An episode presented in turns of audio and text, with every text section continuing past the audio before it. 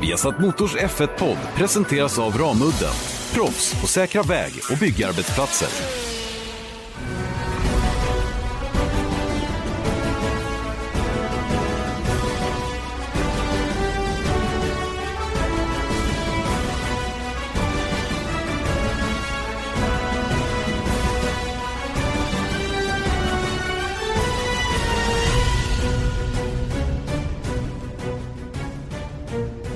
Mycket varmt välkomna till veckans Formel 1-podd. Formel 1-podden med Janne Blomqvist och Erik Stenborg, precis som vanligt, där vi den här veckan naturligtvis går in på varför just Österrikes Grand Prix blev så himla bra. Eh, vi har tagit en, eh, en, en, ny sittning med eh, vår tredje medarbetare Dieter Renken också som eh, delar med sig av det som vi kanske inte har lika bra koll på politiken och ekonomin inom Formel 1. Och sen går vi igenom lite överraskningar och besvikelser och det är en ganska lång lista idag faktiskt som vi ska gå igenom i det avseendet. Eh, Erik Stenborg, du ehm, eh, sitter redo såklart och eh, satt hemma och kollade Österrikes Grand Prix. Jag antar att du eh, också har en rätt så god smak i munnen den här, den här eh, veckan och eh, den här tisdagen efter, efter racet. Ja, två ytterligheter kan man väl säga. Just med Frankrikes GP där det var total domedagsstämning efter eh, målflagg och eh, bara sju dagar efter så är det en helt annan grej. Jag tycker det är ganska intressant. Vilka ytterligheter det är fascinerande om inte annat att pendeln kan svänga så fram och tillbaka och att det är så små detaljer som ändå gör så stor skillnad. Eh, det är precis som du säger bara sju dagar sedan, sedan de körde senaste gången och det har inte hänt någonting med bilarna egentligen. Jo, lite grann men mycket lite har man kunnat påverka från den prestation man fick till i, Frankrike till den som man lyckades med då i Österrike. Och det är ju det här som det är det här som förbryllar och också eh, tycker jag mm, eh, är tjusningen med sporten. Mm, verkligen, men det är det som är grejen. Visst, alla uppdaterar varje race, men när det är en vecka emellan, då är det liksom inga, det är ingen fundamentalt annorlunda Red Bull-bil eller en Ferrari som helt plötsligt blivit bättre än en Mercedes, utan det är bara omständigheter, små, små, små skillnader som gör en jättestor skillnad på banan och skapar ett jättebra race. Visst, visst är det så. Eh, för det första skulle jag vilja säga att det var en fantastisk inramning den här helgen. Vilket magiskt väder vi hade. Kanske lite åt det varmare hållet eh, för min smak. Eh, men även, även det kan jag hantera på något sätt. Men, men rent allmänt massor med folk. Eh, bra ordning och reda runt, eh, runt den här banan och även om det är lite bökigt, den ligger ju inte eh, centralt till i Europa om man säger, så, så, så funkade det och stor, stor, bra humör på alla och fantastisk hejaklack från, från Holland på plats och, och de var också på gott humör i princip hela tiden, o, nästan oavsett hur det går för deras hjälte då, Max Verstappen. Nu hade de ju lite extra flyt den här helgen med att han var så otroligt stark. Va? Men, men äh, jag gillar Österrikes Grand Prix. Det är, när, när det bjuder på, på sånt här, såna här omständigheter eller förutsättningar runt omkring då, då är det faktiskt en av höjdarna under säsongen. Mm. Det är någonting också med små banor tycker jag, korta banor. Jag vet inte vad det är, det blir mera, kanske är att det blir mer tight på ja. banor. Det finns inte lika mycket plats helt enkelt. Men för jag har alltid tänkt att så här, men det är coolt med spa som är långa och Nyborings eh, nordslinga för det är en sån jäkla utmaning. Men sett racingmässigt så är det ganska coolt när de är så små. Åtta kurvor liksom. Ja, jag, jag håller helt med om det och det, det, påverkar ju många saker. Det var någon som kritiserade över att det var bara fem bilar på ledarvarvet till mål men det, har ju också, det ligger ju också i sakens natur att när det är en kort, eh, en kort varvtid Eh, en låg varvtid och, eh, och eh, det kanske skiljer en sekund mellan bilarna. Då, då, då blir det ju 71 sekunder på ett varv. Och, och är man mer än en sekund bakom, ja, då blir det dubbla det kanske. Mm. Och då är man helt plötsligt två varv efter och så vidare. Va? Så det är inte så himla konstigt att det blir, att det blir mer varvningar. Som en ovalbana ungefär. Lite så blir det ju faktiskt. Alltså inte lite hårdraget va, men åt det hållet. Eh, men du Erik, ska vi, ska, vi, ska vi börja bena ner då varför Österrikes Grand Prix blev så himla bra då i förhållande till, till Frankrike? Vad skulle du säga var, var de avgörande grejerna?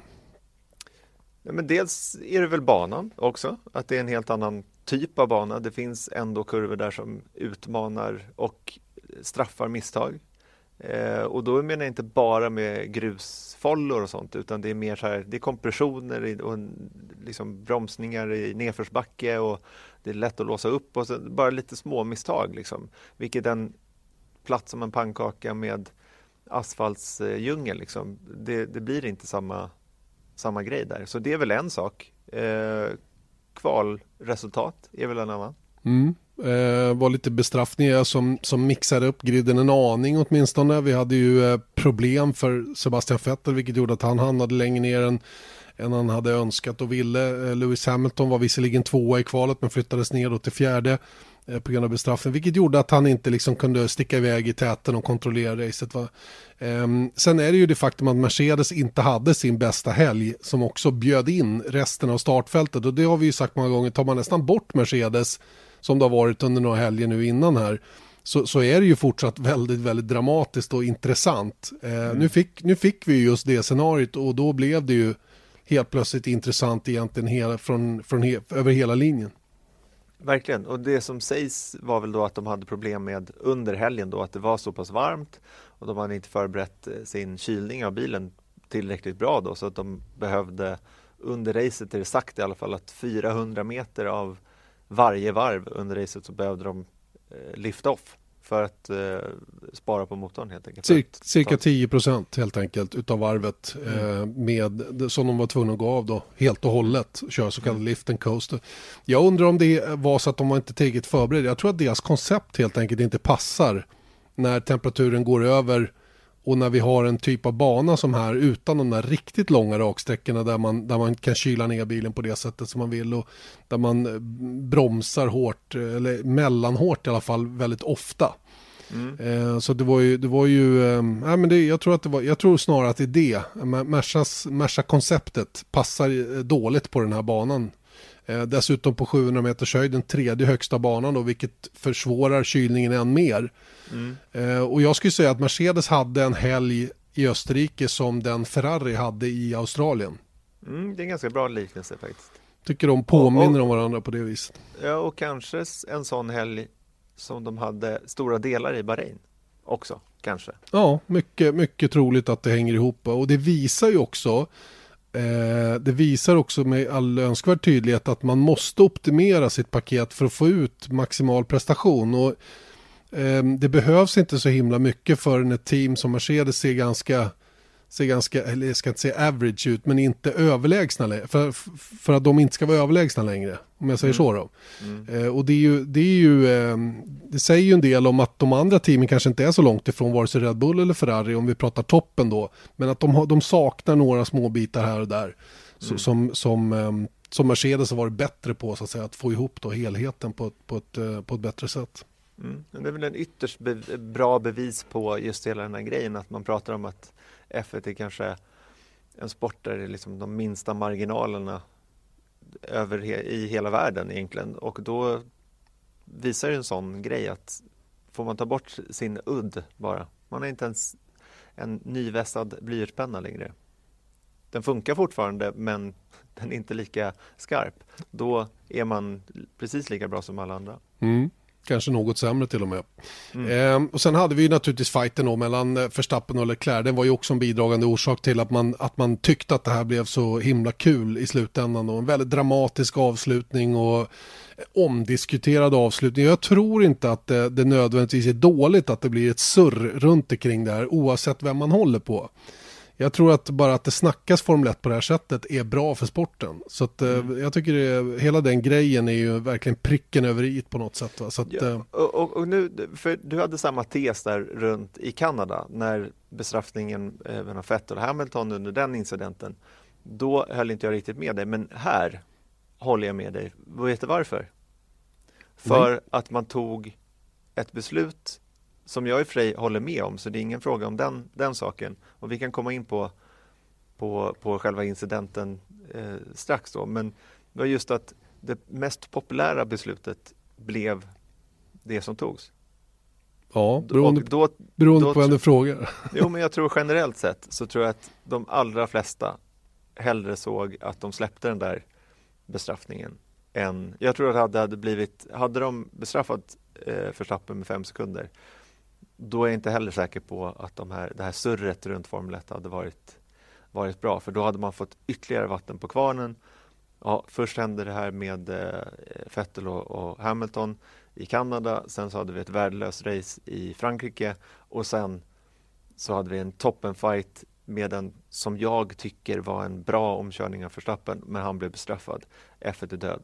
Mm. Men, men, du är medveten om att det är rätt många som håller på Ferrari i världen och förmodligen resonerar precis tvärtom. Oh ja, men jag tycker ju samtidigt inte att man ska ta de här besluten på, jag tycker man ska lämna ansvaret till domarna som sitter på informationen. Oh det är ja. det som är skillnaden. Att, eh, jag menar, sen kan man hålla på Leclerc och Ferrari istället för Verstappen och Red Bull. Men jag tror fortfarande på besluten som tas av domarna är så långt det är möjligt att se det, det korrekta beslutet där och då. Eh, jo, men det, det håller jag också med om. Jag menar det mera bara hur surret är. Eh, mm. Alltså, o, för det blir, en viss, det blir rätt mycket partiskhet när man pratar om den här händelsen. Och är man då en Leclerc-fan eller Ferrari-fan så är man otroligt besviken över hur, hur resultatet hos domarna blev. Eh, är man på den andra sidan, sen finns det ju då den tredje delen då som, som som jag tror är minst, som objektivt tittar på, på alltihopa och tycker att oh, men det här var nog rätt så bra för sporten, att, att de här killarna fick racea om det så att säga. Var, oavsett vad så, så, så tror jag ändå att, att, att sporten väcker känslor är på något sätt i slutändan bra. Mm. Det, det, är kort och gott det jag är ute efter i det här. Va? Och det tyckte jag även om det i Kanada. Att, att det, det, ska ju röras om lite och hända lite grejer. Och det ska finnas grejer att, att prata om. Ibland, som den här gången, då ett väldigt, väldigt bra race som man vill lyfta fram. Men också en, en lite småkontroversiell händelse.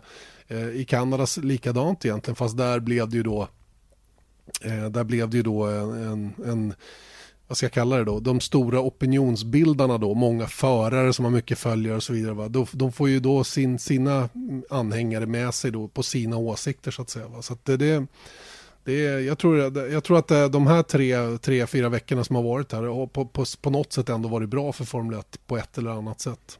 Mm. Och framförallt när det toppas upp med någonting positivt. Exakt, liksom. och det däremot är ju viktigt. Att, mm. att, det, att, det, att det blir någonting som, som, eh, som är roligt att prata om också i slutändan. Men Sen, hur ser du då på incidenten? Eh, ska vi ta den då? Ja, eh, incidenten som sådan eh, är ju eh, intressant på alla sätt och vis. Jag har funderat mycket på det här. Vi pratade Rickard Rudell och jag hundra gånger om det här. Och, och vi kom nog till slut fram till att vi var överens om hur vi kände att det här var, det var, det var rätt att låta dem racea och att utkomsten av det blev att Verstappen fick behålla segern. Eh, vi var däremot inte så säkra på att det skulle bli så. Däremot. Eh, vi trodde nog att eh, det var rätt stor risk för fem sekunders bestraffning för eh, händelsen som sådan då eftersom vi kan titta bakåt i tiden hur man agerat många gånger då, utan att kunna göra några riktiga jämförelser. Så var, den, ryggradskänslan var att oj, det här, nu ligger förstappen lite risigt till här. Men, men, om vi ser till själva händelsen som sådan så, så tycker jag det, några viktiga grejer i det här eh, är att eh, Verstappen Eh, med sitt sätt att köra andra gången han körde för, när han väl tog sig förbi Leclerc eh, vann den här kurvan långt, långt innan de faktiskt var ihop. Eh, han vann den här kurvan redan när han dök på insidan och var så högt uppe på Leclerc innan de hade börjat svänga in. Sen så är det såklart att han eh, medvetet eh, låter bilen rinna ut lite grann för att minska möjligheten för Leclerc att, att inte tvingas backa ur situationen. Eh, det gör alla förare i det där läget och så ska en omkörning gå till tycker jag. Mm. Man styr inte ut samtidigt. Nej, man det, styr man, liksom inte. Han, nej, man ser att han, han gör inte som en Rosberg Hamilton. Nej, nej, inte så, utan det här var mera så här att, ja, men nu ska jag, för det handlar ju om att stjäla spåret. Omkörningar i bilracing för mig personligen ska ju inte vara att man tittar i backspegeln, blinkar och så kör man om när man har öppnat bakvingen. Utan det ska ju, jag tycker det är roligare och så trodde jag nog att, att DRSen skulle funka också. Att man lättare skulle kunna komma upp i ett läge där man faktiskt med hjälp av en bil som var kanske lite bättre under inbromsning kunde bromsa något senare, komma lite djupare in i svängen och på det sättet stjäla motståndarens spår. Mm. Det, är en, en, det är en omkörning, eh, tycker jag, på riktigt. Där man liksom tvingar den andra att, att göra en, ett, ett, ett, ett avvikande beslut. Alltså backa ur situationen helt enkelt. Och, och om man inte låter förarna få göra på det här viset, då kommer vi bara att ha DRS-omkörningar. Då är det det enda som kommer att fungera. Eh, och det vill inte jag. Därför så eh, tycker jag att det här var rätt och korrekt bedömning av hela händelsen där banans utformning dessutom bjuder in till att Leclerc kan vara där ute på utsidan. För det har ju många sagt också att då hade man haft en mur, men det ska man inte ha. Men har man grus där ute, då hade, det, då hade Leclerc aldrig valt det där spåret. Då hade han kört. Och Björn Wirdheim skrev ju direkt efter loppet att fan Leclerc ska fem sekunder för han försvarar sig så jävla dåligt. Det, det, det är liksom katastrof. Han måste ju stänga Obs, dörren. obs, obs, han sa det off air. Ja, ja, ja, herregud. Och det var ju liksom, det är ju med, med glimten i ögat. Ja. Men ni fattar vad jag menar. Alltså, det är klart att Leclerc skulle ha gjort det, men Leclerc visste att han var slagen redan. Han hade inte farten att försvara sig mot, mot Verstappen och hade blivit omkörd i någon annan kurva lite, länge, lite senare. Men, men han, han valde ju det här då för att han söker, han söker situationen. Mm. De söker en frispark.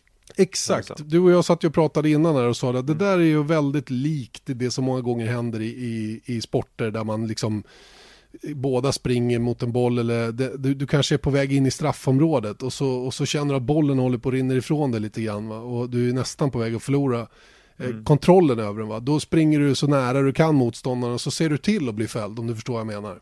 Så att det åtminstone ska se ut så för domaren. Och lite så upplever jag att Leclerc-grejen är att han, han stannar kvar där ute. Han vet att ba banan ser ut som den gör. Det kommer att ta slut på asfalt. Eh, och, och, men är jag kvar här då, då, då kan det ju tänkas att om vi touchar ihop lite grann att, att åtminstone kan bli jobbigt för Verstappen att förklara hur den här omkörningen gick till. Och jag menar, det där ser man ju på nästan varje race. Just den där grejen, he pushed me off. Hur Mm. många, alltså, ska vi tippa på tre gånger per race de senaste tio säsongerna så har det kommit sådana radiomeddelanden. Och det är just av den anledningen. Det är ingen som söker en krasch Eh, eller någonting. Utan det är bara att nu när regeln är skriven på det sättet att man ska lämna plats åt varandra. Då ser man fan till att vara på i luckor. Även om man vet att man inte direkt kommer klara det. Och jag menar det, det är det där som Eje pratade om hela tiden tidigare, hela tiden, men han har nämnt det liksom att förr om åren när man körde aluminiumburkar med, fyllda med jetbränsle, inte fan eh, stoppade du in näsan i, eh, i, i luckor bara för att du fick vara där enligt regelboken. För det var ju, det kunde ju bli livsfarligt. Nu är det inte så längre och som du säger, hade det varit grus där då hade han förlorat för mycket för att risken var för stor för att han skulle hamnat ute i gruset och då hade han aldrig Ja, kunnat kanske komma han- tillbaka i kurva 4 istället. Nej, då hade han kanske förlorat fem platser istället. Ja visst. Förstår du vad jag menar? Och grejen är ju så att titta på de här två olika kurvorna efter varandra nu. Kurva 3 med asfalt utanför och kurva 4. Kurva 4 var det en och annan under helgen i alla klasserna som försökte hänga kvar på yttern. Och har du en tillräckligt bra bil och den, den på insidan är, är generös nog så kan det funka. Men du ska, då ska du vara bra mycket före den på insidan för att det ska lösa sig. Eh, Men i allmänhet, och jag ska säga 8 av 10 gånger man försökte ligga kvar på ytterna i, på, i kurva 4 så backade man ur. I, innan man kom till ett läge där de slog ihop. För att man insåg att förlusten av att hamna ute i gruset är alldeles, alldeles för stor. Här måste jag tänka till. Och det, det är så kurvorna måste se ut för att vi ska komma bort från den här typen av körning. Där man, där man utnyttjar hur banan ser ut snarare än att, att liksom erkänna för sig själv att ba, den här kurvan är över. Jag kommer aldrig vinna den här svängen för att jag valde det spår. Så för mig så föll alltså Leclerc på eget grepp genom att välja utsidan där. För att han helt enkelt inte hade en bättre bil i det läget. Däcken var i för dålig kondition och vad det nu var. Så, så, så, så blev det som det blev. Och därför så söker han den här sista desperata möjligheten då att, att hänga kvar genom att ligga kvar på yttern där. Och naturligtvis gå på radion och tala om att han blir avputtad av banan. Jag tycker inte att eh, han skulle, jag tycker att Verstappen hade helt rätt i den här situationen och vann också rättvist. Det är bra, för jag håller med dig där. Och jag kom på en, en ny grej här. Vet du vad vi kan göra? Du och jag startar ett företag som skapar racingrabatter. Ja, blomrabatter det- menar du? Nej, racingrabatter med grus i bara. Ja, ja, ja där, där, där det är inte hela sandfollor utan det är bara, säg en och en halv meter breda Mm. i bankanten. Precis Exakt. bakom kurven. Då är det en och en halv meter grus. Ja, visst. Nej, då, ju- vi kan tjäna så mycket pengar. vi, vi måste ju också förstå varför banorna ser ut som de gör runt i världen. Det är ju för att eh, det är inte bara Formel 1-racing där. Så det, behöver, det man behöver hitta på det är någon form av tillfällig lösning under en Formel 1-helg som gör att man inte bedömer, så att du som förare bedömer att det inte är värt att ligga kvar här ute.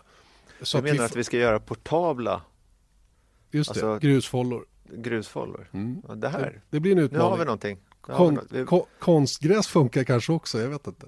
Nej, det måste vara grus, för jag tror att då får man skit på däcken också. Ja, det är sant. Och du vet, konstgräs, det lossnar alltid, det har man ju sett tidigare i år. Eh, bara för att hänga kvar lite grann vid, vid, eh, vid själva bedömningen som förarna gör, eller som domarna gör här. Och det var Tom Kristensen som jobbade. Och en sak vill jag säga om det här med domarna. Många säger att varför har vi inte samma domare hela tiden? Och det, det har man inte, för det, ja, det finns nog flera skäl till det. Dels är det ett obetalt jobb. Eh, och dels eh, så är det nog också bra med lite omsättning eh, så att det inte blir en och samma hela tiden. För vad som helst kan ju hända så det gäller att hålla ett antal varma. När det gäller förarrepresentanter så finns det fyra stycken som jobbar. Det är Martin Donnelly, det är mm, eh, en amerikan som jag glömde namnet på nu.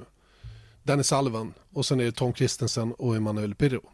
Det, är, det är de fyra som jobbar som det här. Sen så har de naturligtvis andra representanter med sig då som varierar då från land till land. Det ska finnas en lokal representant och så vidare. Är det bara de... fyra? För det har ju varit Mika Salo och sådana Ja, men det är färre nu. Det är färre nu. Så att de har dragit ner. Eh, så vitt jag vet. Det, mm. det, men, men det är möjligt att jag, jag är fel ut att det finns någon ytterligare. Men det är inte jättemånga olika förarrepresentanter som, eh, som jobbar med det här. Och, och de jobbar tillräckligt mycket för att få konse, kon, eh, kon, vad heter det, eh, att de är konsekventa med, med sina bedömningar. Och de pratar givetvis med varandra hela tiden. Och de går ju igenom och debriefar efter en sån här händelse, snackar ihop sig om hur det gick till och hela den biten. Så att det ser jag inte som ett problem. Utan det är ju helt enkelt, ehm, det är ju helt enkelt utformningen av regeln som är, som är tokig. Och, och, det som kan bli bra med händelsen i söndags, det är ju att den kan ju sätta ett, ehm, ett prejudikat nu som, som de faktiskt kan använda sig av i det som kallas för the rules of engagement. Um, och, och tittar man på hur, hur, um, hur domarna uttryckte sig nu i själva domen så står det ju att ingen av förarna kunde wholly eller predominantly eh, skyllas för helt och eh, eller eh, mer, mycket mer än den andra då sägas vara skyldig till att de åkte ihop. För det är ju det som egentligen är, är uppe till diskussion då. Eh, causing a collision, forcing a driver off track. Eh, och det, och det ehm, det, därför så menar man att det då var en, en, en race incident, vilket jag också är, är, enig med dem om att det var. Men, men nu är inte jag någon domare, utan det här är högst min personliga åsikt. Va? Men som jag ser det så var det här bra för sporten. Eh, och jag, jag, hoppas att vi nu eh, ett, eh, ytterligare en, en, sväng då diskuterar lite grann utformningen av viktiga kurvor där, där eh, omkörningsförsök kan komma att ske. Så att man tar bort incitamentet att ligga kvar på yttern Ehm, och att man istället eh, gör så att den som vill försöka försvara sig tar det, tar det spåret på insidan. Eh, det är ju exakt av den här anledningen vi ser en annan typ av körning i Indycar där det är mycket, mycket mer tillåtet att åka hjul mot hjul eller banga i lite grann då, och kanske till och med en förare trycks av. För där gör man just samma bedömning att kurvan är förlorad långt innan det händer. Mm. Och då ska den som har valt fel spår, inom citat valt fel spår då, då ska den, den ska inte vinna den fighten helt enkelt. Och den har möjligheten att backa ur tidigare innan det blir kontakt om man hamnar vid sidan av banan. Den mm. möjligheten har alla förare långt, långt tidigare. Ni minns kanske när eh, Marcus Eriksson var med i podden för några veckor sedan och eh, vi pratade om Detroit och eh, han höll på att bli omkörd av Takuma Sato.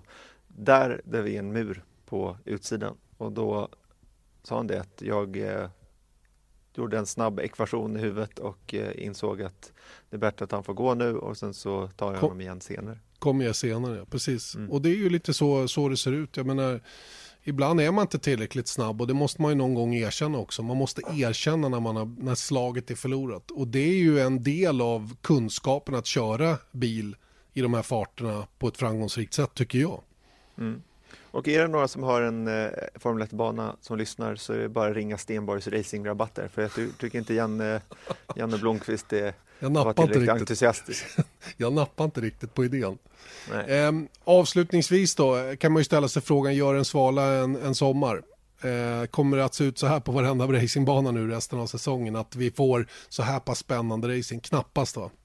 Nej, det skulle jag inte tro. Men samtidigt så, så tycker jag att det, det, apropå det vi pratade om tidigare, att det var domedagskänslor efter Frankrike och eh, mycket mer lätta steg efter Österrike. Och det visar ju ändå kanske att ingredienserna i F1 finns där för att det ska bli väldigt bra. Det är små, små nyanser som absolut behöver ändras. Det här, det här är inget bevis heller för att nej, det vi har är perfekt. Eh, men än en gång då, vi, vi, det, det, jobbas på att göra det bättre och eh, det kommer komma eh, steg som förhoppningsvis ska ta oss dit så att det här kan bli en möjlighet i, i, i, liksom, i större utsträckning. Um, det, det, är liksom, det är som att eh, ingredienserna finns där men just nu så blandas de inte ihop rätt ja. på alla helger. Nej, men... och jag, jag, kommer tillbaka till det jag alltid har sagt. Man måste ha någon form av eh, expectation management. Man måste man måste lägga förväntningarna på rätt nivå alltid och det är det som många tror jag har svårt för. Man har så oerhört stor förväntning inför starten och så när inte det levs upp till så att säga, då, då slås hål i ballongen och så blir man totalt deprimerad efteråt och det, det är det man ska vara lite försiktig med. Man ska ha lite lagom förväntningar på allting och så ska man, för det finns ju ingen sport som inte har svackor. Både när det gäller underhållning och, och, och allting va? och dominans och, och, vad det nu är för någonting. Va? Så det gäller ju naturligtvis den här sporten också. Eh, det jag också tycker att eh, det visar det är ju att det är, många gånger pratas det ju väldigt mycket om vilket reglemente det ska vara och, och det är, vilka däck det ska vara och hela den biten. Va? Men vilken typ av banor vi ska ha är ju inte helt oviktigt och jag tycker det, det hamnar lite för ofta i, i bakvattnet så att säga eftersom det är sådana enorma investeringar varför, tror ni, varför kör man i, på Polycar? Det är ju för att någon är beredd att betala för det. Inte för att det är en bäst lämpad bana att ratta runt Formel 1-bilar på. Och det, det, det är den typen av beslut man ska vara försiktig med. Eh, tror jag. Om man, om man är rädd om sporten. Det, ja. det tycker jag. Det, det är väldigt, väldigt viktigt. Och, ehm, och ehm, ja, jag vet inte om det finns något mycket mer att tillägga i frågan. Nej, det är bara det att Stenborgs racingrabatter kan... Vi, ja, vi är hyfsat säkra på att vi kan fixa Paul Ricard också. Du, betalar ni nu eh, reklampengar till podden ifrån det här bolagets sida? Ni kan få andel. Okej. Okay. Vi får... Vesas Motors F1-podd får, får någon procent där. Vi, vi löser det här. ja, det är bra. Det är ja. bra. Eh, vi tar oss vidare i podden och eh, då ska vi eh, nu tycker jag lyssna till Dieter Renken som eh, jag satte mig ner en stund med i, ehm, i eh, Österrike. Eh, lite förutsättningar inför den här intervjun. Vi pratar ju en del om, eh, vi kommer att prata däck och det här mötet som hölls under fredag morgon eh, angående att gå tillbaka till, till eh, 2018 års däck. Eh, det blev ju inte av som bekant och, och, lite grann hur han ser på hela den grejen då. Eh, dessutom pratar vi eh, självklart om det, som, det senaste som har hänt angående det nya reglementet för 2021 och vilken utveckling eh, som har varit då den senaste tiden. Vi vet ju nu att deadlinen är framskjuten till sista oktober. Avslutningsvis så kommer vi lite framsynt nog in på det här med domarnas jobb och det var ju inte med anledning av incidenten i söndags för det här gjorde, den här intervjun gjorde vi i lördags men det blir ju väldigt, eh, det blir väldigt relevant ändå. Eh, eftersom vi hade haft då det som hände eh, i Kanada och vi hade även eh, Daniel Ricardos grej då i Frankrike att prata om. Men det gör ju att diskussionen låter ungefär likadan. Men vi har alltså inte i det här läget koll på det som skulle senare hända då under söndag, söndags eftermiddagen. Men vi, vi, vi tar och lyssnar på intervjun så, så kan vi prata mer om det efteråt. So, Dieter Enken, welcome back to the F1 pod. Thank you very much, Jan, and what a wonderful setting we have here. Yeah, Austria is always nice, and the hillside, the track is located in a very beautiful place here in Steiermark, which the area is called. But we're not going to talk about the location. We're going to talk about Formula One, and I think it's it's appropriate to start with a with a Pirelli saga, or whatever we can call it. Uh, uh, a big meeting yesterday on Friday morning here in Austria. You're going to hear this on, on Tuesday at the earliest, but but uh, on Friday morning, they had a big meeting and, and, a vote to maybe revert back to the 18 tires. Absolutely. And, you know, the, the lowdown is very, very simply that since Spain, this whole saga has been sort of rumbling away below the surface. Uh, it was started by certain teams who I think believe they were overshadowed by the sort of Mercedes domination they were saying, well, what has really changed from last year? And they seem to have overlooked that, well, the front wings have all changed and all sorts of other things, but they seem to believe that going back to last year's tyre specification where possible would, um, would actually negate some of the Mercedes advantage. Very briefly, last year's tyres had a, a thicker carcass. Uh, plus whatever um, range of compounds. This year's tyres have a thinner carcass the reason being that it doesn't uh, degrade as much because there's less heat retention, it heats up quicker, etc. uh, but there's then less heat retention as well, and accordingly, the tyres actually perform better, degrade less, etc. However, their operating window is a bit more peaky, and I think this is the major issue. And the teams are now saying, well, Mercedes managed to find the right window. We haven't. Therefore, let's blame the tyres. Let's change the tyres. Let's go back to last year's construction. The regulations are very clear that a change of tyre specification during a season can happen either if the FIA enforces it for safety reasons uh, or if 70% of teams agree that it should be changed. And that's why the summit was called yesterday, where it was then put to the vote. Uh, not surprisingly, the vote was 5 all, or 5 5, 5 4, 5 against the change. Uh, if we have a look at, at the teams that were for change, it was Ferrari and their two customer teams, namely Haas and um, Alfa Romeo Stroke Sauber, and then Red Bull and its sister team, Toro Rosso. On the anti change side were Mercedes, not surprisingly, their two customer teams, not surprisingly. And then, of course, there's McLaren, who, with Mercedes, has done a superb job. And I believe that their recent upturn in form certainly owes something to the fact that they managed to suss out the tyres properly. And then, of course, McLaren are running a Renault engine, and Renault also voted against change.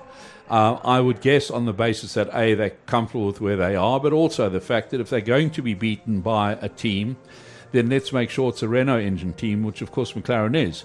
So, unsurprising, it was five all, five each, uh, and uh, there's going to be no change. Frankly, I believe that that's the right decision because, in my book, it would be a bit like somebody turning around at Wimbledon saying, Well, it's six love, six love why don't we just tell the, the guy who's leading that he's got to use a bigger ball or take one shoe off or something like that? I mean, ultimately in sport, everybody does whatever they can to win. And Mercedes have done it correctly. They sussed out the tyres and they're benefiting from it. So, so uh, no change then because of the vote, uh, five five. But the, but the discussions regarding tyres for the for the future seasons is continuing. I know that there is another meeting coming up.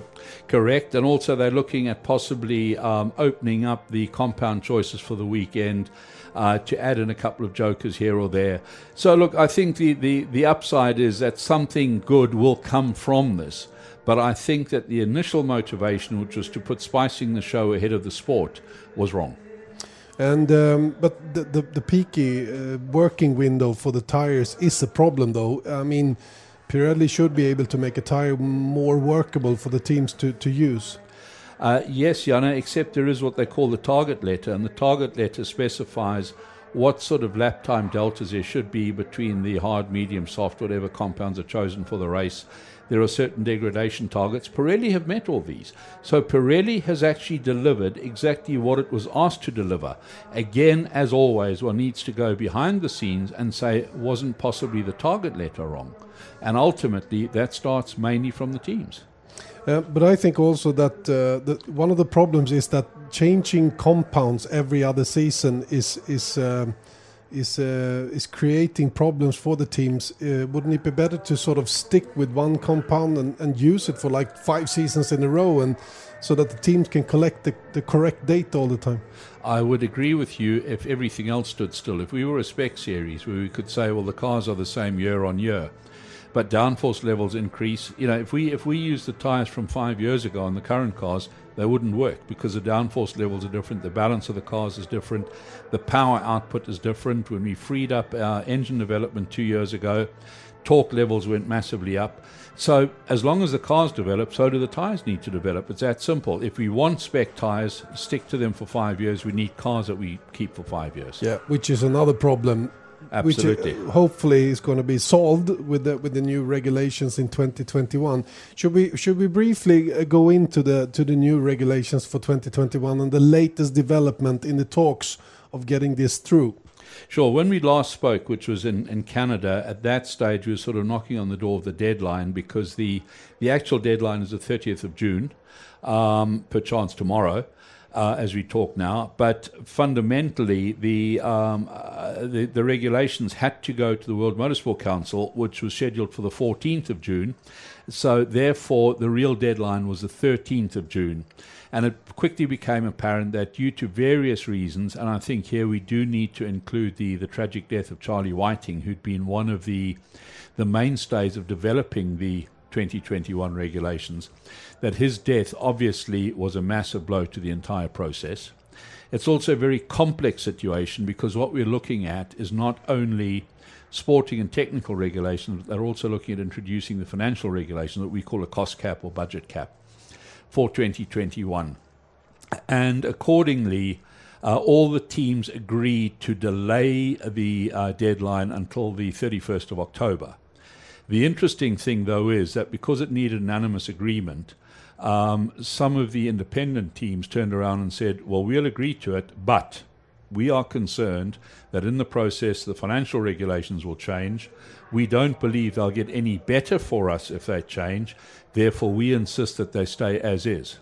So, a condition of this unanimous agreement was that the financial regulations do not change, certainly not in terms of the, the cost cap level and the exclusions, etc. So, so, so just to, just to make it clear, uh, there is an agreement on what the, the, the financial situation should be from 2021, and they, the the the, um, the private team, sort of, they don't want that to be changed because uh, they were afraid that the, the budget cap would go higher. In other words, it's currently $175 million. Okay. There so are certain exclusions which we can touch on shortly. Yeah, we did that last time out. Yeah. So, yeah. But fundamentally, they didn't want the cap level 175 changed and they didn't want the exclusions changed. So basically the, the financial thing is set uh, and I spoke to several of the, the team principals in in um, in France and they were sort of happy with the with the situation around that and it seems like there is details in the technical regulations still to be sorted out. Correct. And also in the financial regulations, for example, there's a potential loophole, and I stress potential, where, for example, two teams that have some form of alliance let's say Red Bull and Toro Rosso, or let's say Ferrari and Haas, or Mercedes and Racing Point, or whatever, where there is this sort of alliance, that there could be a situation where certain non listed parts, in other words, parts that uh, that you don't have to own the design rights to, parts that can be shared or sold or, or exchanged or swapped, that there's a danger that a team operating under a certain budget cap level, as 175, could actually produce, let's say, brake ducts and supply them to its associate team. And that team would then save the wind tunnel development time and the costs. So there are these sort of things that need to be sorted out. You know, what can the team share and what can't they share? And uh, there, there, are various other aspects to make sure that it's tightened up properly. It seems like they, they should have written down who is supposed to develop stuff to sell to other teams because maybe the, the works teams are the only ones allowed to to develop things to sell to private privateer teams. At the same time, though, Jan, and this is the whole point that um, well, there's nothing stopping, say, Haas supplying parts to to Ferrari. But at the same time, what we mustn't forget is that Formula One is trying to save money at the same time. And accordingly, the more non performance differentiating parts that can be shared, the better and cheaper it is for the sport the fine line is what is performance differentiating. Example, brake ducts, we just think of them as these things that sort of hang up there and take cold air and throw it at the at the brakes. But it's also an aerodynamic device. It takes an awful lot of wind tunnel development. So this now for next year becomes a listed part, so it can't be shared. And I think each part has actually got to be examined on its merits and said, is it performance differentiating? If, if it is, is it expensive to develop? Can it be shared? And of course, this is a laborious process. A Formula One car's got 6,000 components. Um, speaking about uh, uh, things that are going to be shared of all teams, the specification specification parts, parts yeah. Uh, should that be an external provider? Do you think, or, or um, could the tender could the tender go to a, a team within Formula One? If it's a spec part where there's absolutely no difference whether it's applied to Team A or Team Z, in other words, identical part to the degree that you could almost walk in and pick it up and allocate them at random, then there's no problem with the teams. In fact, I would welcome that because let's not forget that some of the bigger teams will have to lay off staff. They do have excess capacity in terms of, of machining, manufacturing, production facilities. I have no problem with that. If we turn around and we say, all right, these brake pedals, they all look the same. we make that a spec part. Uh, Ferrari, you produce it and you supply it to everybody at a price that is market related. And that way we can A, keep existing Formula One personnel in, in the job.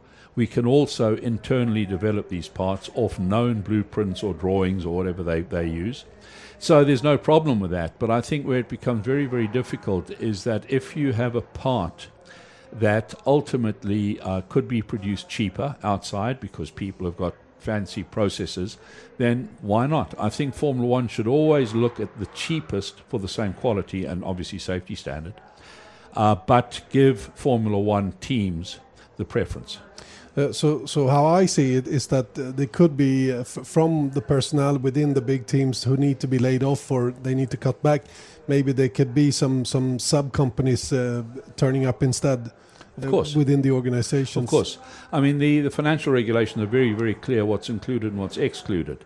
And, you know, what's included in terms of manpower are the people directly involved with the design, manufacture, and operation of a race car. There are certain exclusions. I mean, let's not forget that a company like Williams has also got the uh, Williams, Williams Advanced Engineering Company. That is a totally separate one. They could actually produce these widgets there and transfer people from the Formula One division into that one. So it would be completely excluded, but it would uh, um, improve the revenue of the holding company, and ultimately that's what we want.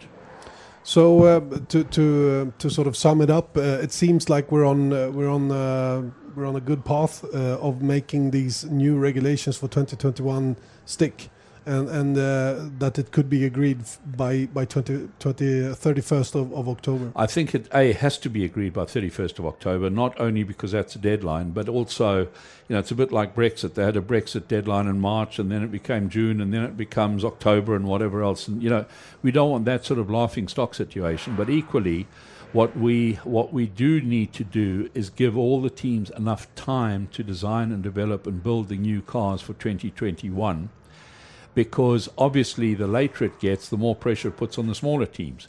The other, the other um, side to, to this entire regulatory discussion is that will the budget cap, is it high enough to still retain Mercedes and Ferrari in Formula One?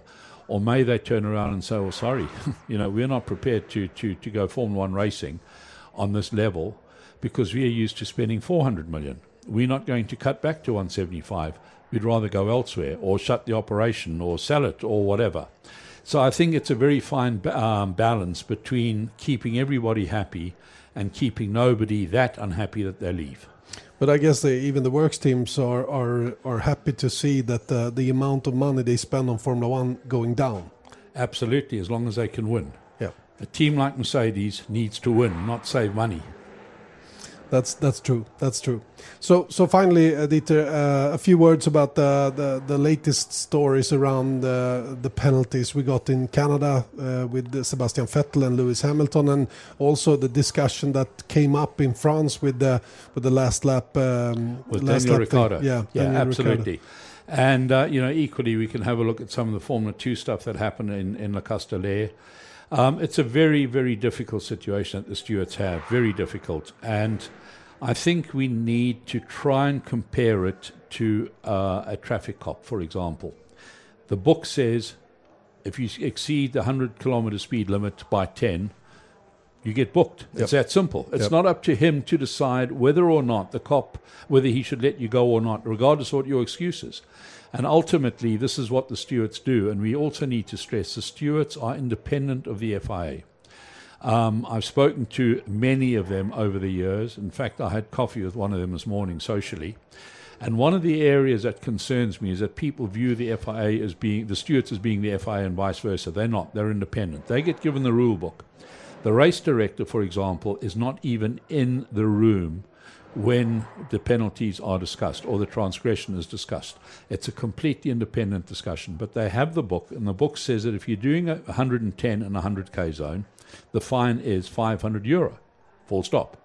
If you'd like to appeal it afterwards, feel free. Try and go to the FIA Court of Appeal, etc., which is open to you. Um, and the stewards have come for an awful lot of flack. I think what we should be doing is taking another look at the rule book to see whether maybe that is too rigid and too inflexible. Equally, we should not forget that under the present governance structure, all the rules and regulations any changes and the, all this this tightening up of regulations has actually happened in the last six or seven years happened with team input. Because they would go along and they say ah this is inconsistent. This guy had his wheel off the off the track and you gave him 10 seconds.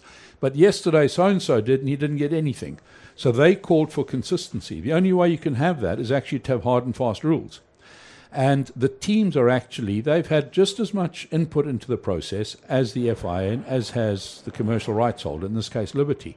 And I think we need to have a complete relook at the, at the rule book to ensure that it doesn't, it's not that rigid that we have a situation like the Fettel um, Hamilton thing, but equally is not too lax to let people get away with willful blocking or whatever transgression it is. And then it becomes really, really uh, complicated to get this level right because it's it will always be. Um, it will always be a, a, a certain amount of, of, of, sort of judging the situation Correct. in itself. And, and I know we spoke to Marcus Ericsson yesterday, and, and he told us that the, the driver themselves, the drivers themselves, have been very much involved and, and wanting uh, this black and white sort of, of, of, judging in the races. So, I mean, they're as much to blame as anyone else.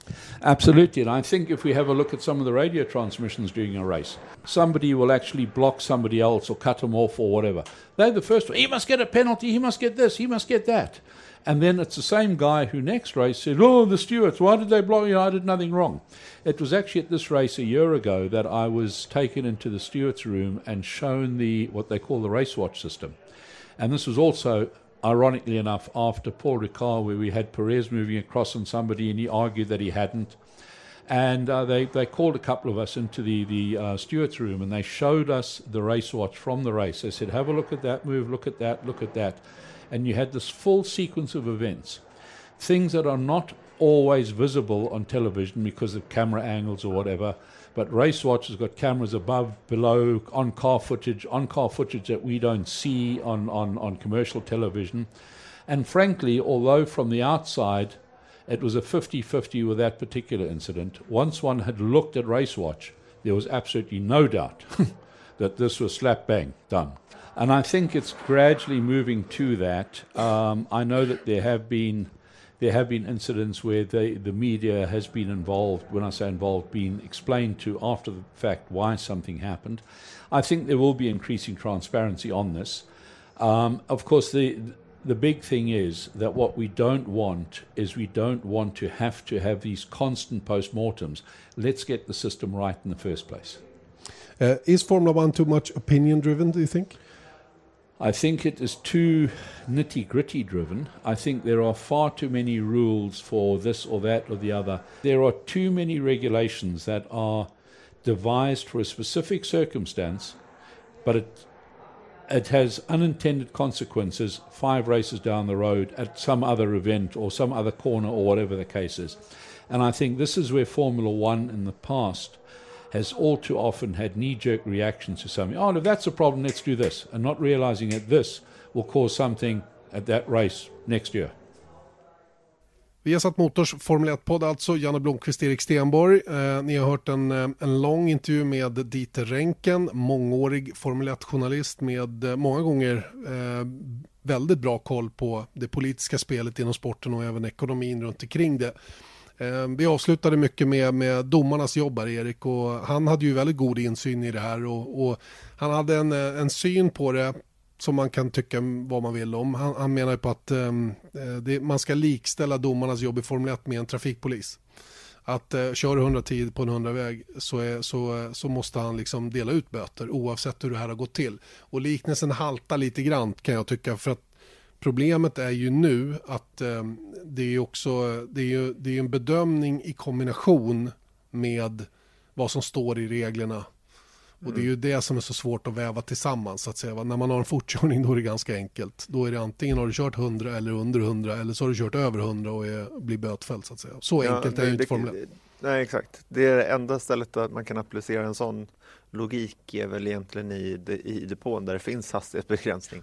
Eh, men, ja, men, det kan, men det kan ju vara, ren, det kan vara andra förseelser så att säga. Vad man, ja, ja, med, med, vingarna får inte flexa och bla bla bla. Så här. Men just när det gäller själva racingbedömningarna så, så är det mm. kanske inte riktigt så. Men det han vill poängtera är ju att det finns en skriven bok och det är den boken domarna jobbar efter. Han mm. är också noga med att poängtera att domarna är oberoende. Har, eh, de jobbar alltså, de är inte anställda av FIA.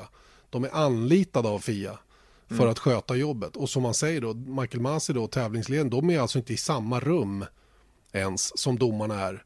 Utan. Miles jobb och de andra i tävlingsledningen, deras jobb är att rapportera händelser till domarna som sen då själva tar beslutet baserat på vad som har hänt, hur det ser ut, det de har kunnat se, kolla, intervjua och sen tittar man i regelboken och sen lämnar man, lämnar man det vidare så att säga.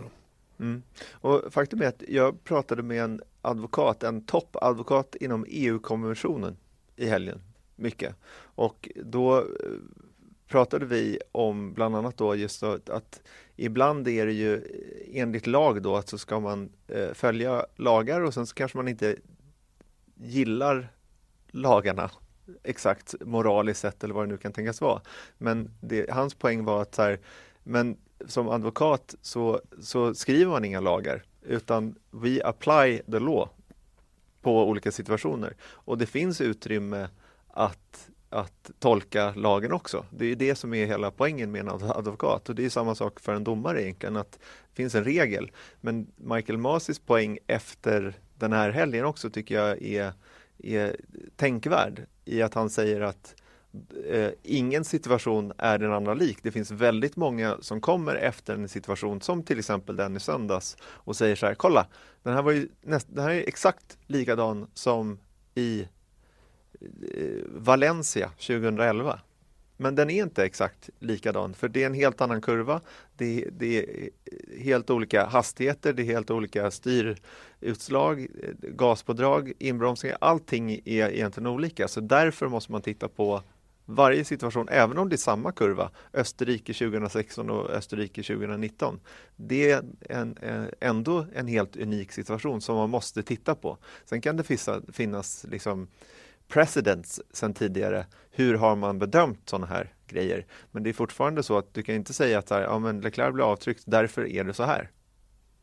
Nej, nej, jag håller helt med om det. Och, det. och det är det där som är lite svårt. Sen pratar vi delvis om, om Fia kanske borde bli bättre på några saker runt omkring den här typen av händelser. Eh, nummer ett kan jag, kan jag ställa mig frågan, hur, hur lång tid måste det ta? Eh, det tog väldigt lång tid att få något beslut i söndags. Det hängde ihop med att förarna efter målgång då eh, skulle träffa domarna. Var det nödvändigt? Kan jag, det är nummer ett. Det gjorde ju att hela förloppet blev fördröjt då med minst en och en halv timme. Eh, 18.00 vet jag att de var uppkallade till domarna. Det är ju ganska långt efter målgång. Ehm, och sen tog det då en, en timme, själva mötet. Och sen ytterligare då 40-45 minuter att formulera sig, kolla att man inte har någon stavfel, bla bla bla. Och så någonstans 10-8 på kvällen så kom då själva beslutet ut till alla och alla var förbannade. De satt och uppdaterade Twitter. Det var någon till och med som hackade Fias hemsida och, och hade mm. fejkat ett beslut bara för att göra sig lustig på hela situationen. Och, och det där är inte bra. Va? Det, det, är inte bra. Och varför ska just den här situationen kräva att man måste prata med båda förarna? Jag pratar emot mig själv lite grann. För att, eh, efter Kanada-incidenten så sa vi att låt den passera och prata med förarna i efterhand. Mm. Och jag vet inte, då kom de ju väldigt snabbt med beslutet så att Fettel visste ju när han gick i mål att, att jag är körd. Kanske skulle man snabbare komma till beslut och, och då ibland riskera att det blir fel emellanåt. Eller att man kanske inte har haft precis alla verktyg som man behöver för att komma fram till en korrekt bedömning.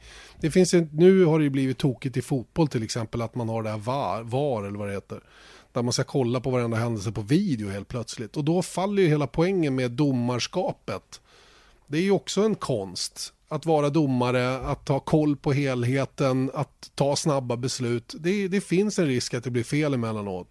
Självklart. Och det blir fel emellanåt. Men det, det ska man inte bygga bort tycker jag. Eh, jag vet inte. Jag, jag ser hellre att man, att man raskar på lite grann. Och, och får, får, får en, ett, ett snabbare förlopp. Även om det betyder att man emellanåt kanske inte får det till 100% rätt varje gång. Vad säger du? Ja, jag tror att i det här fallet så var det väl två och ett halvt varv kvar eller någonting sånt där. Så jag tror knappt att man hade hunnit till Nej, men tio minuter målgång. efter målgång hade vi vetat. Absolut. Då hade de tittat tre gånger på det, fyra gånger, inte vet jag. Mm. Allt vad de nu har där uppe. Jag kan, jag kan acceptera kanske 20 minuter då. Mm. Men sen måste det komma. Sen, sen, måste beslutet komma och det där har de ju fått kritik för förut eh, att, att det dröjer för länge så att säga med att komma fram till saker och ting. Eller så ska vi, eller så ska vi helt enkelt bestämma oss för att det, det, det, det tar tid. Vi får leva med att det tar två timmar efter målgång innan vi vet vem som har vunnit. Bra eller dåligt, men bara så vi vet. Då mm. behöver ingen fundera. Nej. Jag, jag, tycker att om de kan ta det, men då, då ska man liksom då i så fall öppna upp möjligheten då att kanske eh, så som Ferrari gjorde, att så här, okej, okay, men vi kommer med overwhelming eh, new evidence och då kan man överklaga det i så fall. Men det är klart att man kan begära en ny bedömning, ja. Precis. Ja, begära en ny bedömning ja. om man tycker att man har blivit felbehandlade. Men sen så finns väl risken då att då kommer ju ja, men det blir jävel göra det. Exakt, va? det kan ju bli anarki av alltihopa. Va? Det är inte heller bra. Va? Så jag vet inte vad som är det bästa. Jag vet, det enda jag vet är att känslan man har när det tar över två timmar att få reda på vem som har vunnit aldrig är bra. Nej, det, men det, det händer ju inte eh, liksom Nej, nej, nej, var, varenda helg heller. Nu ja. råkar det ha hänt liksom två av tre helger, men det är inte så att det är ett stort problem tycker jag. Nej, nej, nej, nej, det kanske inte är det. Och jag över, överdramatiserar allting och bara för att det var ett, ett himla bra race och man var angelägen om att få veta vem som vann gjorde att man förstorar den här känslan. Så kanske ja, men, det Kanske, jag ja. vet inte. Nej, men jag tar tillbaka allt. Mm, gör det. Det är lika bra. är Ta tillbaka hela podden. Jag tar tillbaka Vi börjar allt. Om. Jag tar tillbaka allt. Mm. Jag vill bara säga en grej som jag tycker var lite kul där apropå Dieter och det var just e- ert snack om däcken där. Mm. Att det är ändå ganska roligt, hans förklaring där att eh, att det inte då blev någon förändring och det som det går bra för, de sa nej till att byta däck och de som det går eh, dåligt för, och de sa ja till att byta däck. Oj vad Men, konstigt.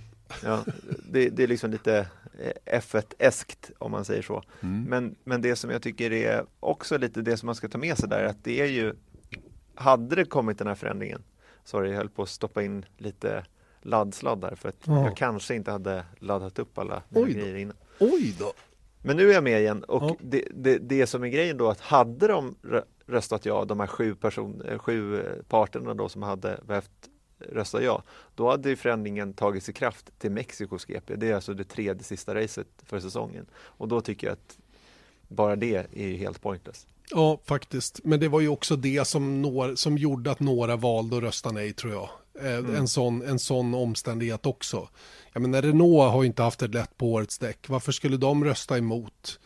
Eh, att McLaren Mercedes röstar för att behålla årets däck, det kan jag köpa för de har ju en, en, en, en konkurrensfördel av det så att säga. Va? Williams, de vet väl varken ut eller in, följer förmodligen med Mercedes, va? men de andra hade ju likväl kunnat gått åt andra hållet.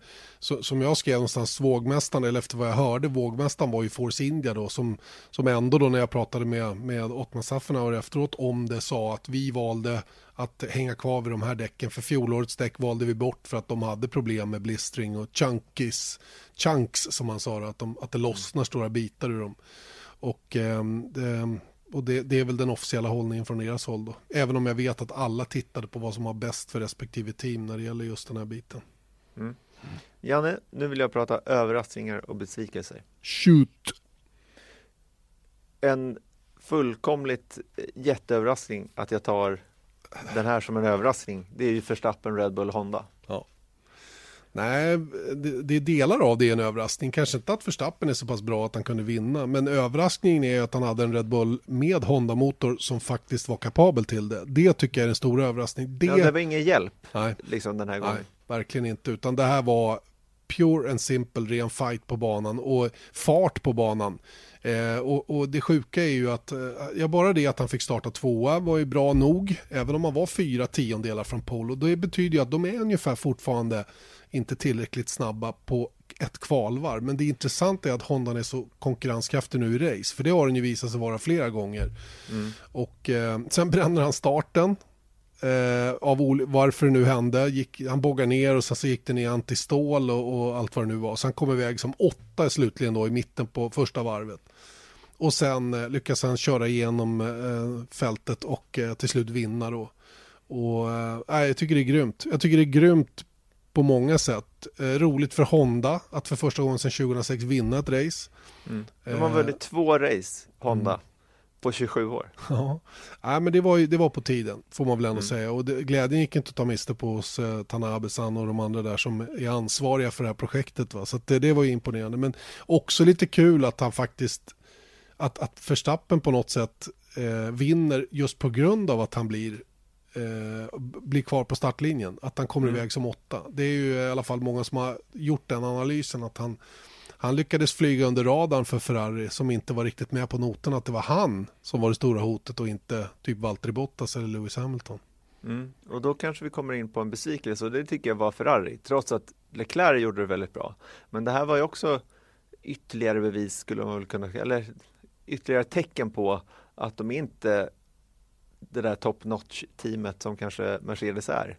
Just med tanke på att det var massa eh, tekniska problem. De gjorde sådana här misstag att de glömmer bort Red Bull i den här ekvationen och bara tittar på Mercedes för att och jag kan köpa att man tänker så, men ett F1-stall som slåss om en seger, det tycker inte jag, och jag menar de har ett team att kolla på, men de har två.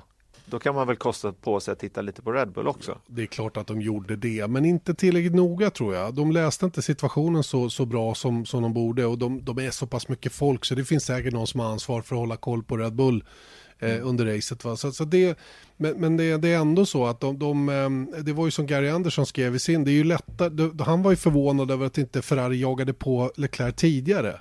Mm. Eh, att, att köra kanske en, två tiondelar snabbare över 10, 15, 20 varv är ju mycket, mycket enklare än att ta en halv sekund, 5, 6, 7 varv. Mm. Vilket ungefär var det som krävdes på slutet, för de började ju jaga på honom, va? men då hade ju däcken redan liksom gett upp kan man ju säga. Mm. Vilket gjorde att han hamnade i klorna på, på Max Verstappen. Va? Så det, det är ju inte helt bra. Och, och, där, det... och Leclerc var ju sugen på att, att pusha på lite också. Hela tiden. Ja. Han ville ja, ju bara, tell liksom, me when to push. Ja, så bara, nej det här ser bra ut, det ser bra ut, det ser bra mm. ut. Och då tycker jag ändå det tyder på att nej, men, de kände att de hade kontroll på Mercedes. Men glömde bort att kolla bakåt. Mm. Sen gjorde de ju ett aggressivt däckbyte med Vettel då som gick in och, och eh, gav upp banposition då för fräscha soft istället då vilket räckte för fjärde plats då. Eh, och det var väl, det var väl okej. Okay. Men eh, mm. depåstoppet blev inte bra. Eh, enligt vad jag hörde så, var inte, så, så hörde inte alla mekanikerna när meddelandet kom att Fettel var på väg in. Fettel kom in när han skulle. Men bara de med, med trådlös kommunikation hörde. De mm. med trådbunden kommunikation där nere, de, de hörde inte. Och det var därför utsidan var sena. Uh, utsidans däck var sena ut uh, mm. och de fick stå och vinka till varandra där och det är inte så jäkla lätt att höra någonting om man har hörlurar på sig och någonting iproppat i örat för att man tror att man ska få beskedet den vägen och så börjar de att vifta och det gäller att veta vilka däck ska man ha och hela den biten. Mm, mm. Nu hade de säkert den planen klar ändå att det var ett sätt hårda som skulle på men det där är ju så otroligt trimmat och det kostar ju sex sekunder. Mm. Som de hade kunnat behövt ute på banan istället. Va? Så att, äh, det var lite småslarvigt. Så att, ja, men jag får hålla med. De, de eh, satt i vinnarhålet den här helgen och lyckas ändå bara bli tvåa. Bara bli tvåa.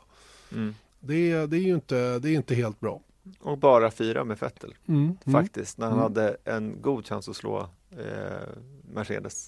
Också. Ja, Även pall... då att det hade varit svårt att och liksom komma ifatt VM och sånt där också. Men när man inte kan ta de här öppna målen heller, då, då, blir då har man ingenting där uppe att göra. Då blir det svårt. Någon mer överraskning? Holland! Holland, säger du. Mm. Och då tycker jag alla, eh, jag tycker det var riktigt stor del av inramningen av det här racet var stämningen som man faktiskt såg hela vägen hem med tv-soffan.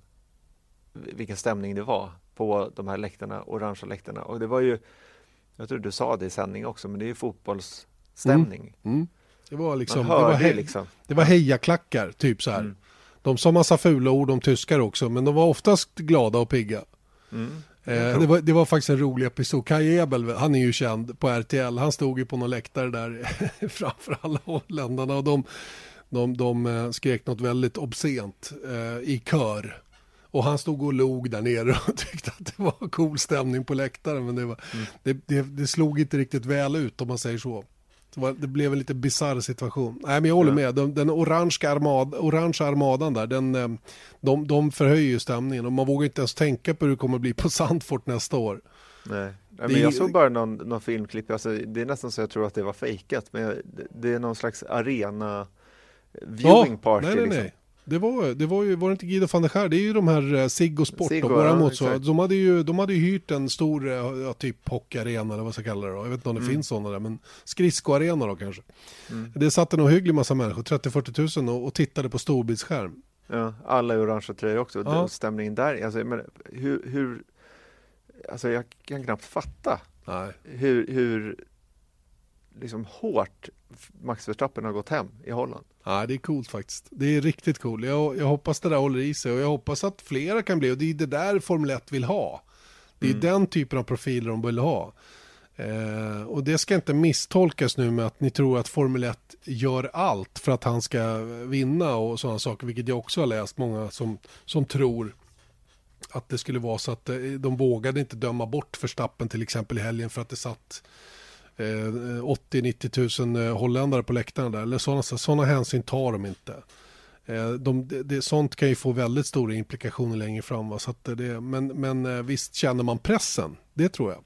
Det är klart, det är klart att det påverkar men jag tror inte att det gjorde beslutet annorlunda. Nej, nej det tror inte jag heller. Eh, Mercedes? Ja, de ska väl hyllas tycker jag, som en besvikelse den här gången. Mm. hyllas är väl fel ord, men jag tycker de blev en besvikelse. De var inte alls på nivå.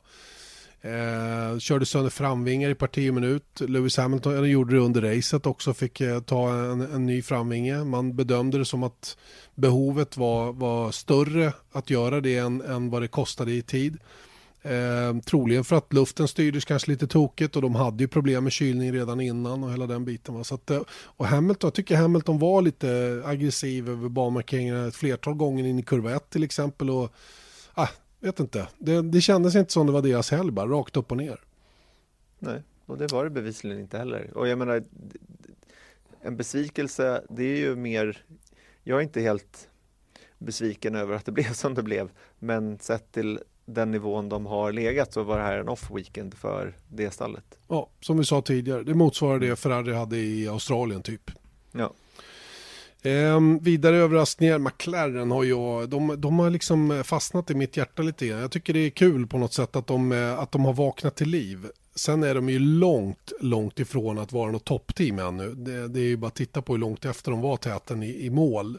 Men, men eh, sättet som de jobbar sig framåt nu hela tiden. Va? Och, och den här Andreas Seidel som jag fick äh, möjlighet att prata med Elina, han, han ger ett stort förtroende och jag tycker att deras on-track, on-track operation där med att få uppdateringen att funka direkt när de sitter på bilen är en stor nyckel till att de ligger där de ligger. De får däcken att fungera på ett bra sätt. Men, ett stort men, vi har sett det här förr hos Force India och, och, och delvis Haas eh, som har fått att funka hyfsat. Va? Men de kommer liksom inte längre. Nu vill jag se nästa steg. Det är mm. superviktigt för McLaren att ta e- ytterligare ett steg nu och det är ett stort steg. Det är fasen inte lätt att hämta hem den här luckan fram till toppteamen um, och det kommer, att, det kommer att ta några år till. Jag tror kanske inte att det kommer att hända förrän till 2021. Men bara det faktum att de har någonting positivt nu som, som pågår tror jag är viktigt för det här teamet som ändå har budget närmast i paritet med de tre stora de ska vara med där fram och, och de utav de här uppstickarna har ju faktiskt störst möjligheter att, att klara av att ta det näst, nästkommande steget. Det har ju inte Force India när de hette det eh, haft eh, och det har inte Haas heller haft möjlighet att göra. Men McLaren har det. De har mm. pengarna på kontot och de har ett mm. starkt, starka ägare. Mm. Ja men det är bara kul, kul att se för det har liksom varit lite våtfilt över McLaren de senaste, sen 20, ja, Sen de tappade Mercedes. Ja, sen de tappade ja, Mercedes. Dess, nästan. Delvis också ja. ja, ja det, har liksom varit på nedåtgående hela tiden och nu så tycker jag bara det faktum att Norris då var så aggressiv som han var i starten. Jag menar, han hade ingenting där att göra på tredje plats egentligen, men han, han, han kämpade på ändå. Det, det gör man liksom inte om man inte har lite framåtanda. Nej. Och sen det faktum då att Norris kom i mål på sjätte plats, Sainz på åttonde från 19 startposition. Mm. Det är starkt. Säger en del om kapaciteten i den här bilen i förhållande till resten av mittfältet. Och eh, även för Sainz då lite annorlunda strategi där han åkte mycket fräschare däck på slutet. Då. Sen tycker jag den roliga sekvensen var i Norris när han blev tillsagd att hålla Daniel Ricciardo inom DRS-avstånd. Mycket ovanlig önskan från teamet. Mm. Jag förstod precis varför, för att det var nämligen så att Gasly låg bakom och Gasly bedömde dem som snabbare än Ricciardo i det här läget, för Ricciardo hade väldigt gamla däck. Men då ville de alltså att Norris skulle försöka att Ricardo kunde ligga inom 8-9 tiondelar bakom så att han fick använda DRS på Norris hela tiden och på det sättet minska möjligheten för Gasly att gå förbi. För de bedömde nog att Gasly var ett större hot mot Norris längre fram i racet. Då. Så det, det, var, det var en väldigt speciell eh, önskan och reaktionen från Lando Norris var ju askul när han svarade eh, eh, like forever eller vad nu han sa. Mm. Eh, han undrade, ska, vad då ska jag ha honom inom DRS hela racet liksom? Så det var, det, var en, det var en kul episod tycker jag i racet. Sauber mm. var väl en överraskning också? Ja, Giovinazis första VM-poäng i Formel 1. Kostade en hårlock. Ja, kostade en hårlock. Det var väl något vad han och Fred Vassör hade antar jag. Mm. Det, han har fått eh, vara långhårig allt för länge helt enkelt. Men då var det väl skönt att han... Eh, det, det, måste vara sten från axlarna där. Ja, det tror jag var väldigt förlösande och väldigt viktigt för honom. Hans framtid har ju varit ganska omdiskuterad på slutet. Va? Och eh, kvalfart har han visat sig ha här på slutet. Det har man lyckats få till någorlunda. Men lite på samma sätt som Haas-teamet så har han inte kunnat orka i racen och haft svårt att hålla liv i däcken och så vidare. Nu i söndag så såg det bättre ut och han var ju faktiskt och, och han var, var han sex tiondelar bakom Kim i mål. Va? Så det var ju han var lika snabb som Kim i den här helgen, helt klart. Va? Kimi hade lite bättre startposition då och lyckades försvara den positionen genom racet. Då, så de blev 9 och 10. Mm. 21-1 står det i poängen mellan dem. Ja, säger väl en del. Det kanske hinner mm. förändras innan säsongen är över. Mm. Men du, du nämnde en kille som heter Pierre Gasly lite tidigare. Mm. Han har vi inte på listan, men vi, vi ska ha in honom också. Att det är ju inte så bra då när en Red Bull går och vinner det här racet och visar en jäkla tempo och eh, fighting spirit att han då blir varvad av samma Max Verstappen. Nej, det är ju total katastrof skulle jag säga. Va? Och, eh, jag läste att Christian Horner nu tycker att, eh, att Pierre Gasly behöver göra en kontroll allt elit, det vill säga en omstart av alltihopa. Eh, om det vore så enkelt. Eh, jag tror tyvärr inte att det är det. Helt enkelt har han kommit, kommit in i det här teamet snett och, och eh, inte fått ordning på det. Vilket också visar hur små marginaler det är från att verkligen lyckas och från att se ut som en, som en misslyckad typ. Jag menar, han ska ju inom, rimligen ska han kunna vara inom ett par tiondelar från Verstappen varje pass. Mera bakom ska han inte vara. Eh, är väl den allmänna bedömningen. Va? Nu är det mellan en halv, sju, eh, halv sekund upp till sju, åtta tiondelar och som sagt riktigt ifrånkörd i söndag så han vet helt enkelt inte vad, vad han behöver göra. Och nu är han ju eh, ifrågasatt. Många tror att han kommer att bli utbytt och, och ehm, jag tror Pierre Gasly själv är oerhört medveten om den situationen han har hamnat i och han är nog inte så säker på att få köra färdigt i år. Men det kan inte han gå runt och säga eller tänka egentligen utan han måste ju bara försöka göra jobbet. Och intervjun efter loppet var rätt talande för han, han liksom sa det, ja det här var inte så bra men uh, nu ser jag fram emot nästa och man hörde ju att det fanns inget som helst, ingen geist i rösten överhuvudtaget. Va? Så han är duktigt pressad just nu. Mm. Kviat eller Albon? Ja, det är hugget så stucket. Hade jag valt så hade jag ju tagit upp Albon. Kviat har fått sin chans. Albon, testa honom då. Mm. Det kanske funkar. Det kanske kan lyfta en sån kille då till, till uh, nya nya höjder så att säga. Då. Eh, som sagt, Kviat vet de ju vad de har. Och eh, han, nej, jag vet inte. Och, nej, jag tror Albon. Jag, jag, skulle ta Albon om jag vore Dr. Marco i alla fall. Mm. Jag skulle ta Gasly, fortsatt. Mm. Ja, där ser man. Bara för genom den säsongen. De ska ändå inte slåss om någon VM-titel. Nej, men de behöver VM-poängen. Och det, de behöver en förare som är kapabel att ta poäng och det är inte Gasly just nu. Sen är inte mm. han så dålig va, men just nu klarar han inte det och det är ett problem. Mm. Nu tog han väl right pinne i söndags men inte tillräckligt många poäng. Nej, jag tänker bara ett varv efter, det säger allt. Det jo. ska han inte vara. Hur som helst. Vi kan väl säga Has också som en besvikelse i, eh, till, som avslut och det är ju verkligen eh... Nej, katastrof. Ja. Fy fasen vad dåliga de är när det kommer på söndagarna. Mm. Herregud, vad är det som händer? Den första stinten Kevin Magnusson gjorde, utan att jag vet om det var något speciellt, några detaljer i, i det, men det var ju miserabelt att se honom bara åka bakåt i fältet på det viset. Fullständigt iskalla. Och Grosjeans mm. kommentar, det är som att köra bilen på regn, säger han. Mm. Så fort de tankar upp den här bilen så försvinner alla goda egenskaper i den verkar det som. Och det är ju ett jätteproblem de har. Mm. Jätteproblem verkligen. Och hur de ska få till det där, det vet inte jag. Men, men det ser inte bra ut. Och jag tror inte det hjälper att byta ut föraren eller byta ut Günther Stein eller någonting sånt. Det här är det är något fundamentalt bekymmer med att förstå däcken som de inte är, är på det klara med. Och det kan man inte skylla förarna för. För de kör så, så fort de bara kan. Med mm. de givna verktygen så att säga. Det, det, är på, det är på någon annan nivå där. Jag vet inte vad det är men eh, det ser inte bra ut i alla fall. Nej, och dessutom så har de lite tjafs med Rich Energy också. Ja. Om du har hängt med i den. Ja, det har jag. Men hur kunde man ta dem som sponsorer in the first place? Det är ju ett luftbolag hela grejen. Det finns ju inte en burk att få tag i. Och då, det verkar ju bara som det är någon som, som äger det där bolaget och använder det varumärket för att mm. synas och tar pengar från något annat då för att betala teamet. Mm. Och, så, och så gör man en sån klantig grej som det här med, med loggan då som, som, jag uppenbar, som uppenbart är öppet mål för, för den andra parten så att säga. Mm. Det är alltså en copyright-fråga eh, runt en logga med ett eh, cykelföretag som heter White Bikes som också har en sån där gjort eh, väldigt snarlik eh, logotyp. Och sen så har de liksom på sociala medier väldigt öppet och gått in liksom väldigt eh, konstigt liksom på, med full attack liksom och eh, säger att de är värdelösa och liksom rena liksom, personangrepp på ett företag som de ligger i clinch med rättsligt liksom. Och mm. det är mm. väldigt konstigt. När William Story har man inte så här ashög förtroende för måste man säga. Men, men eh, och, och poängen är då att det är väldigt otydligt var de får pengar från och det som senaste som har hänt då är att de, de det finns eh, eh, ja, rättsliga beslut då att de ska ha några veckor på sig då att ta fram siffror. Hur, hur ser er egentligen er bokföring ut? Hur ser den här sponsringen ut? Och vi, jag vet att vi pratade om det när vi tittade lite extra på Rich Energy som företag eftersom i England är, är eh, böckerna öppna så att säga eh, på samma sätt som i Sverige.